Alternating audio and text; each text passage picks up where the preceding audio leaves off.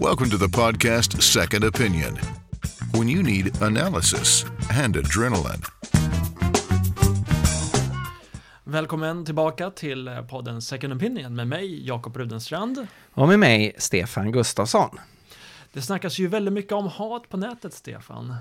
Ja, tidningarna har ju varje dag eh, rubriker och kommentarer kring eh, hatarna på Facebook och Instagram, elaka och mobbande kommentarer.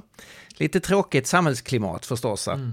att det är så mycket sånt. Mm, och som gör så att människor inte har de rätta proportionerna till texter av vad, eller liksom uttalanden om, om varandra, att man inte kan eh, tro det bästa om varandra och eh, eh, uttrycka sig på ett mer civiliserat sätt i, i dagens eh, samhällsklimat. Det är ju såklart ett, en utmaning för det goda samhället och en utmaning mot vår tidiga svenska konsensuskultur där eh, våra, våra olikheter spänner mot varandra ännu mer nu för tiden.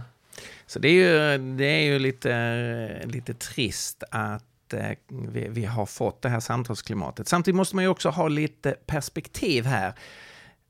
Om man tänker mängden artiklar som handlar om hatet på nätet så är det inte riktigt proportionerligt om man tänker på verkligt lidande i världen. Och där eh, står ju förföljelsen av kristna i en särställning. Så från min sida skulle jag önska att man kunde byta lite fokus här och börja lyfta fram de större frågorna. Mm. Och i det här fallet var ju ärkebiskop Antje Jackelén ett, ett föredöme i, i början av veckan när hon på Dagens Nyheters debattsida lyfte just frågan om de förföljda kristna och Dagens Nyheter dagen efter på ledarplats eh, berömde ärkebiskopen för att hon tog upp den här frågan och sen skickade vidare frågan om att verkligen ta ställning för förföljda kristna till regering och till riksdag.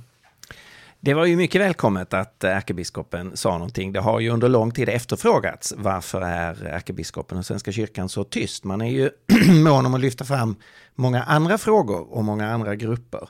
Men har legat väldigt lågt här i frågan om förföljda kristna. Så jag tror det var många som uppskattade att hon eh, klev fram i den här debatten. Mm, ja, just som också representant för, eh, för Sveriges största kristna samfund och den, Sveriges eh, i särart eh, största medlemsorganisation, Svenska kyrkan, så, så har hon ju väldigt mycket makt i kraft av sitt ämbete. Så det var ju såklart väldigt välkommet och vi på Evangeliska Alliansen har ju lyft den här frågan många, många gånger. Eh, och att eh, vi behöver prata om, eh, om eh, förföljda kristna och att vi behöver också driva opinion och eh, uppmuntra våra politiker att göra något åt saken. Så nu hoppas vi att det är, det är många som eh, vill fortsätta att lyfta de här frågorna. Mm. Därför att det här är inte något tillfälligt, utan det här är någonting eh, eh som är pågående och där vi inte ser någon eh, eh, något slut på, mm. på det här just nu. Så det är många som behöver engagera sig i frågan om eh, förföljda kristna. Mm, och inte minst i, i Mellanöstern där IS gör ett, eh, ett fruktansvärt folkmord mot kristna där eh, nu Europaparlamentet i slutet av förra året eh, i sin människorättsrapport lyfter fram den, den, globala förföljelsen av kristna och att det här är någonting som behöver göras åt. Och vi på SIA i, i vårt årsmöte den, den 5 april kommer vi att lyfta den här frågan där jag håller ett, ett föredrag om, om förföljda kristna. Eh, vi ska alldeles strax ha ett samtal med, eh, med Open Doors Sverige som, som är en av, en av de eh, organisationer som har lyft frågan om, om förföljda kristna eh, längst i världen och eh, arbetar specifikt för att hjälpa förföljda kristna. Och det, det samtalet kommer alldeles strax. The Swedish Evangelical Alliance Christian Faith in the Marketplace. Välkommen tillbaka till podden Second Opinion. Fler än 200 miljoner kristna runt hela världen möter allvarlig förföljelse för ungefär 100 år sedan så var ungefär en femtedel av befolkningen i Mellanöstern kristen. Idag rör det sig om omkring 5% av befolkningen. I Nordkorea sitter ungefär 70 000 kristna i fångläger enligt organisationen Open Doors. Det här är en, en fruktansvärd global förföljelse av kristna. Man brukar tala om ett eh, globalt krig mot kristna. Och för att prata om den här frågan och hur vi kan påverka eh, opinionen för att lyfta upp frågan om förföljda kristna och att eh, se en förändring eh, har vi Sara Bornold som är kommunikationsansvarig på Open Doors Sverige som gäst här i podden. Välkommen till Second Opinion, Sara. Tack så mycket. Open Doors Sverige är, är ju en eh, relativt nystartad organisation. Ni har, funnit, ni har inte funnits i Sverige så jättemånga år. När var det ni startade? Det stämmer. I Sverige har vi bara funnits sedan 2009. Men själva organisationen, det är en internationell organisation och den har funnits sedan 1955, så i över 60 år. Och ni, ni började arbeta just internationellt med att sprida biblar bak, bakom järnridån Eh, bland kristna som förföljdes i gamla Sovjetunionen, eller hur? Det stämmer. Det var vår grundare, Broder Andrew, som åkte till, till Polen, tror jag det var, bakom järnridån och upptäckte, liksom, fick träffa kristna som förföljdes för sin tro och insåg att de hade inte tillgång till biblar. De levde under stort förtryck och då började han att smuggla biblar och sen så insåg han att det räcker inte med mig, det är så stort behov så att arbetet växte. Och sen så, så blev det fler och fler och sen blev det till slut organisationen Open Doors. Vad gör ni idag eh, just på Sverigekontoret? Det, det görs en hel del. Vi växer eh, och vi har vuxit väldigt stort sedan 2009 då vi började med en person. Så idag har vi eh, nio personer på kontoret. Och sen har vi flera presentatörer som åker ut i kyrkor i landet för att berätta om situationen för våra förföljda, förföljda syskon. Eh, och sen så jobbar vi också med att eh, och försöka påverka opinionen också, att eh, uppmärksamma att kristna förföljs. Så att eh, våra uppgifter i Sverige framför allt är att upplysa den fria kyrkan, som vi kallar det för, att, om förföljelsen som pågår. Mm. Open Doors har ju under flera år publicerat World Watch List som är en rankning av de länder där kristna förföljs som mest. Och och eh, årets lista som publicerades i början av året eh, har ju fått väldigt mycket uppmärksamhet eh, internationellt. Men i Sverige har det ju mest bara varit kristna media som har uppmärksammat den här listan. Vad tror du att det beror på? Precis, det är främst kristna kristna medier som uppmärksammat det. Dagens Nyheter skrev en ledare om listan och även eh, Kristdemokraternas politiker Lars Adaktusson har uppmärksammat listan. Men, men jag tror framför allt att det beror på, ja, dels så tror jag att alla inte känner till listan än. Vi är ändå relativt nystartade här. Eh, och det är väl kanske den främsta orsaken för att listan i sig är ju väldigt, väldigt pålitlig och väl underbyggd. Fler än 215 eh, miljoner kristna lider under allvarlig förföljelse på grund av sin tro enligt World Watch List som ni har publicerat sedan 1993. Mm. Och värst drabbat eh, för 16 året i rad är Nordkorea. Eh, skulle du kunna berätta lite grann om hur situationen för kristna är i Nord Nordkorea? Det är ju förbjudet att ha någon annan religion än stats, tron eller staten. Eh, och den som blir påkommen riskerar att skickas till arbetsläger eller dödas. Men inte bara den, utan hela släkten, hela familjen straffas även om inte de är kristna och skickas till arbetsläger. Så att man måste leva ut sin tro i absolut hemlighet och man vågar, det är många föräldrar som knappt vågar säga till sina barn att de är kristna med risk att barnen råkar försäga sig eller att barnen skvallrar på dem. Och, och så så att det är, det är totalt förbjudet att vara kristen i Nordkorea. Officiellt så har man ju religionsfrihet i landet och man har en kyrka i landets huvudstad men det är, det är ju någonting mest för syns skull för västvärlden när man får hjälp. Den används ju inte. Mm. Eh, Somalia är eh, nummer två i år och det, den tangerar första platsen eh, med Nordkorea. Hur, hur har eh, situationen eh, för kristna förändrats där? För det, visst är det så att den inte har, eh, den, den har legat lite längre ner de senaste åren? Ja, poängen har ökat ganska mycket men den har alltid varit högt i Somalia. För två år sedan så fick man 89,5 poäng och det är inte så stor skillnad mot årets poäng på 91 poäng.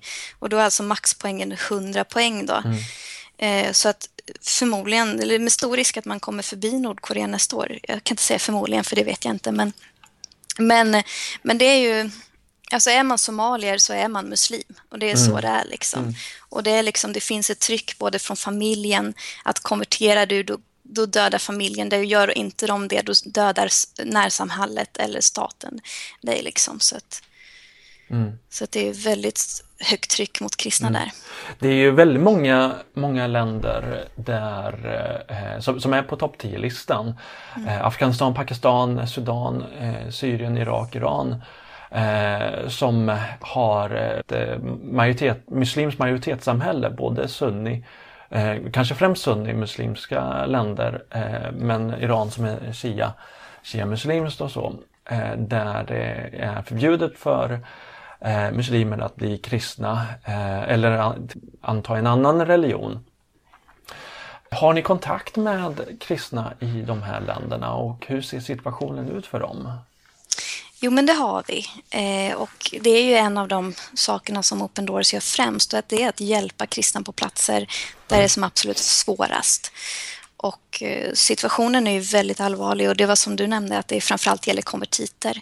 Även kristna som föds in i kristna familjer och föds in i kristna lever under förtryck. Men, men framförallt är det eh, konvertiter som drabbas hårdast av förtrycket.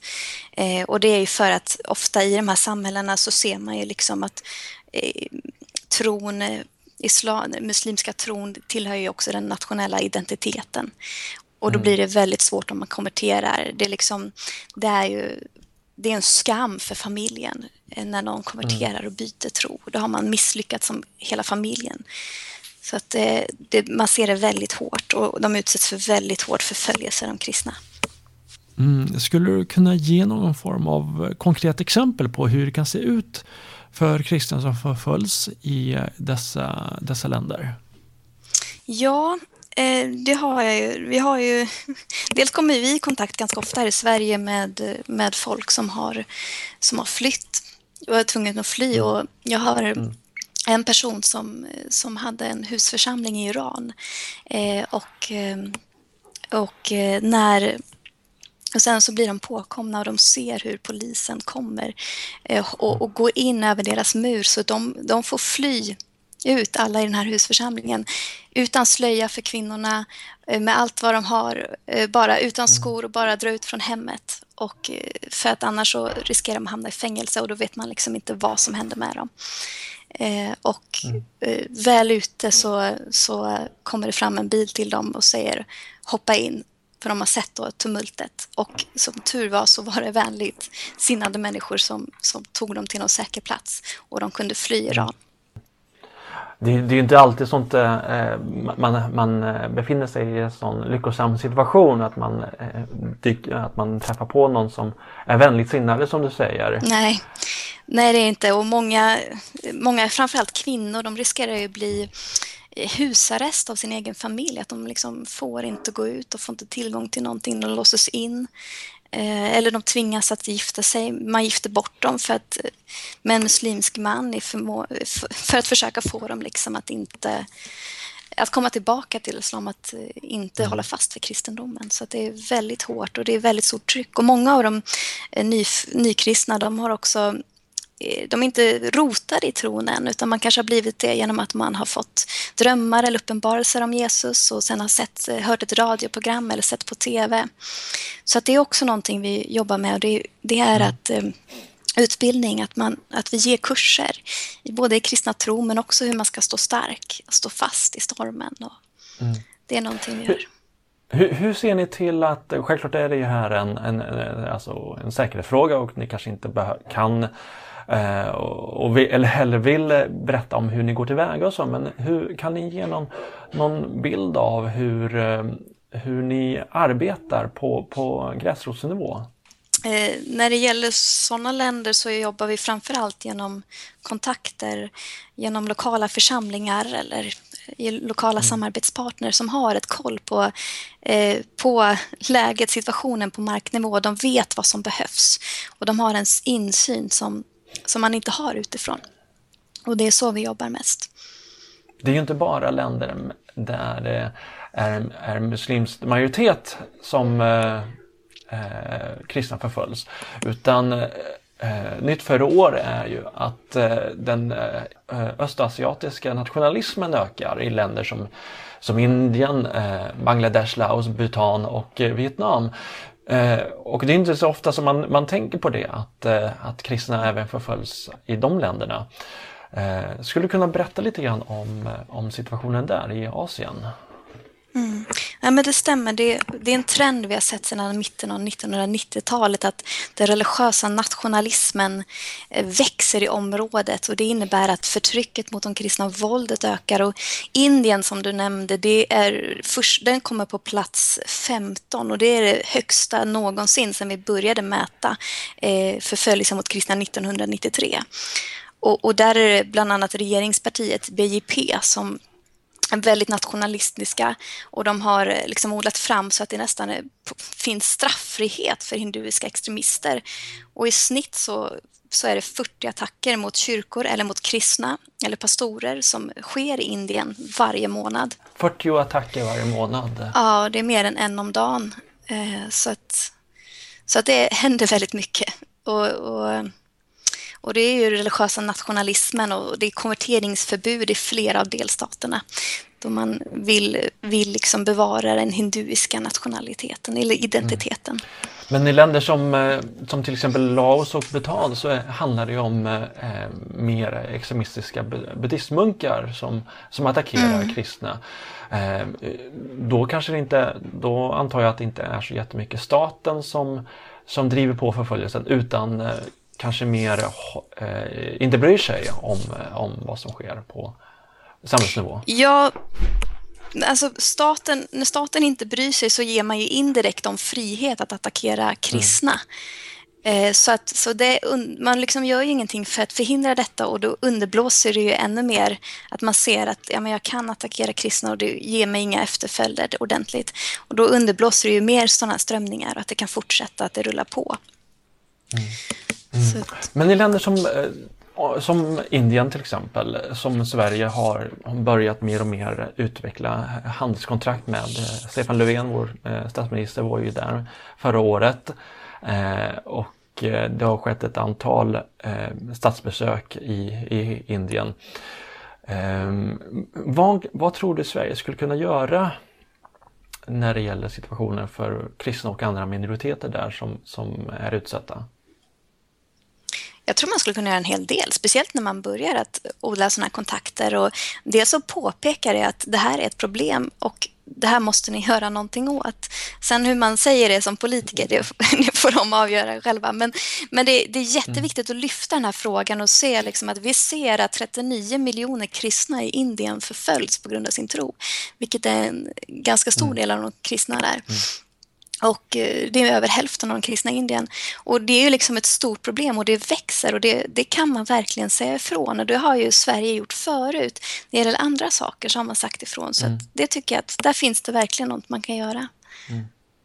När man diskuterar förföljelsen av, av kristna så brukar ju en, en siffra eh, från Center for Study of Global Christianity eh, komma upp regelbundet. Att eh, just under till exempel 2016 så dödades 90 000 eh, kristna för sin tro. Alltså att var sjätte minut så dödades en, en kristen för sin, på grund av sin tro. Eh, men i, i World Watch List så har ni eh, en annan statistik. Skulle du kunna berätta lite grann varför det skiljer sig? Ja, den statistiken eller det, det siffrorna de går ut med det baserar sig på en helt annan metod där man bland annat eh, tagit eh, in eh, kristna som dödats i folkmord eller i olika krig och sådär och sen har man liksom gjort en genomsnittlig så att egentligen är det en siffra tagen ur luften. Eh, vi har vi, när vi registrerar antalet döda kristna och tar med det i de här rapporten eller att antalet attackerade kyrkor också, så kör vi bara, registrerar vi bara bekräftade fall. Mm. Eh, så att förra året så dödades enligt Open Doors statistik 1207 kristna.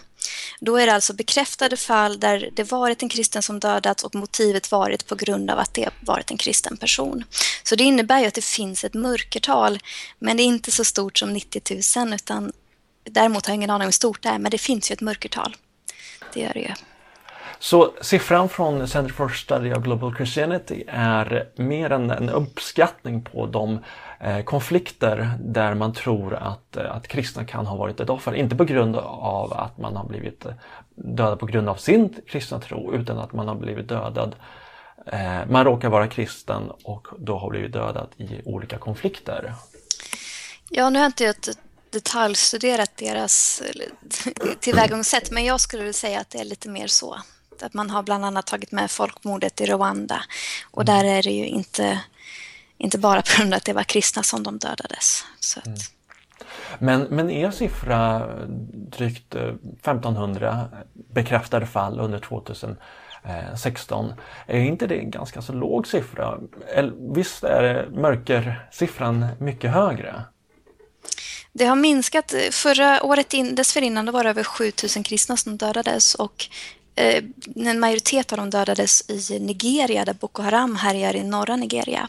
Och de har ju under 2016 eh, hållits tillbaka av regeringens styrkor och det har bidragit till att färre kristna har dödats. Och det är också många kristna som har flytt från områden där Boko Haram eh, är aktiva och det har också gjort att färre dödats. Och även Irak och Syrien har tömts på kristna i områden där det är farligt för dem att vara, vilket bidrar till att det har minskat. Däremot så har vi sett i detta att, det, att antalet kristna dödas i allt fler länder. Så det är jättekul att det minskar antalet döda kristna men dessvärre så ser vi en spridning att det är fler länder som kristna dödas. Det är ju väldigt många mörka historier som ni får höra på Open Doors men det finns några mer ljusa berättelser som ni, ni eh, får höra. Ja, eh, det finns det och någonting som jag tycker är väldigt, väldigt eh, ändå hoppfullt mitt i allt mörker, för det är ingen rolig lista eh, som vi kommer med. Och det är, att, det är att väckelse och förföljelse går hand i hand. Det har aldrig varit så stor förföljelse i världen mot kristna som det är i år. Men det har heller aldrig varit så många muslimer, buddister, hinduer som blir kristna. Och, och ju fler konvertiter, desto mer ökar förföljelsen också. Och det är ju inte roligt att den gör det, men det är liksom växer antalet kristna. Och vi är den första generationen eh, som lever då det finns en lokal församling i varje, la varje land. Att Mauritanien, Qatar, Bhutan, sådana länder där det bara varit västerländska kyrkor tidigare, också en egen inhemsk kyrka med inhemska troende. Så vi lever i en väldigt spännande tid, där Gud gör väldigt mycket, även om mörkret också breder ut mm. sig. Mm. Vad kan man som enskild person göra? Eh, förutom att stötta Open Doors arbete såklart. Det finns många saker man kan göra och en av sakerna som vi lyfter väldigt mycket och som vi också märker när vi är ute på fältet och frågar folk vad de behöver så säger majoritet av de kristna att be för oss. Mm. Och vi har bönekalender och vi har, tar fram regelbundet bönämnen. Så att det är det absolut bästa man kan göra. Man kan också, det finns också resor man kan resa med oss. Man kan skriva uppmuntrande hälsningar som vi har på vår hemsida. Och man kan också informera i församlingen tror jag är jätteviktigt. Boka en presentatör för jag tror att det är jätteviktigt att vi får upp för, över, för, ursäkta mig, att vi får se vad som händer i den här delen av världen, att det är våra trossyskon, att vi behöver lyfta det. För jag tror också att de kan lära oss väldigt mycket, att de står fasta trots de svårigheter som de, de är med om, så står de fasta och orubbliga i sin tro. Och det tycker jag, det har lärt mig väldigt mycket mm. i min vardag. På kontoret här i Sverige så har, eh, så, som du säger, så utvecklas ju arbetet och en satsning, satsning som Open Doors Sverige gör eh, under våren är ju att kartlägga situationen för kristna asylsökande. Det har ju varit flera rapporter om hur eh, kristna har eh, hotats, trakasserats och, och även eh, attackerats på svenska asylboenden. Har, Open Doors har ju gett ut en rapport i Tyskland om situationen där som vara allt annat, en, en, rapport som var allt annat än positiv. Eh, och ni, ni, kommer ju göra en, en, liknande rapport om situationen i Sverige. Skulle du kunna berätta lite grann om, eh, om, den, om det arbetet? Mm. Vi har eh, precis gått ut med en enkät som ska då, ska då besvaras av personer som har kontakt med flyktingar som eh, kom eh, efter 20, under 2015 eller senare, tror jag att det var. Eh, och där vi söker personer som har utsatts för förföljelse på grund av sin kristna tro. Och då vill vi alltså kartlägga de här fallen och se vad det är som har drabbat dem och vad som har hänt. Eh, det har kommit en del rapporter i olika tidningar, både Aftonbladet och Dagen och tidningar har skrivit om det, så vi vill se liksom vad är det som händer och är det här utbrett och komma med olika förslag på lösningar också mm. beroende på vad resultatet visar. Så att det här kommer förmodligen att bli klart och läggas fram i början av sommaren. Och då tar ni hjälp av olika församlingar i ert nätverk antar jag? För det är ju ett väldigt stort eh, arbete att, att ta sig an. Det gör vi. Vi tar hjälp av, av personer som, är, som arbetar med flyktingar, som har kontakter och vi söker fortfarande personer som har kontakter med flyktingar som varit utsatta som jättegärna får höra av, oss, av sig till oss. Så, att, eh, så det gör vi för enkät, eh, enkätinsamling kommer att vara öppen ett tag nu framöver. Och vill man ha mer information om det, ert eh, flyktingprojekt som ni kallar det, eller annat av ert arbete, World Watch List, hur man kan komma in som supporter för Open Doors, så går det ju bra att besöka er hemsida på www.open-doors.se. Tack så jättemycket Sara för att du var med på podden Second Opinion och lycka till i allt ert viktiga arbete. Ja, men tack så jättemycket och tack att jag fick vara med också på er podcast. Welcome to the podcast Second Opinion. When you need analysis and adrenaline.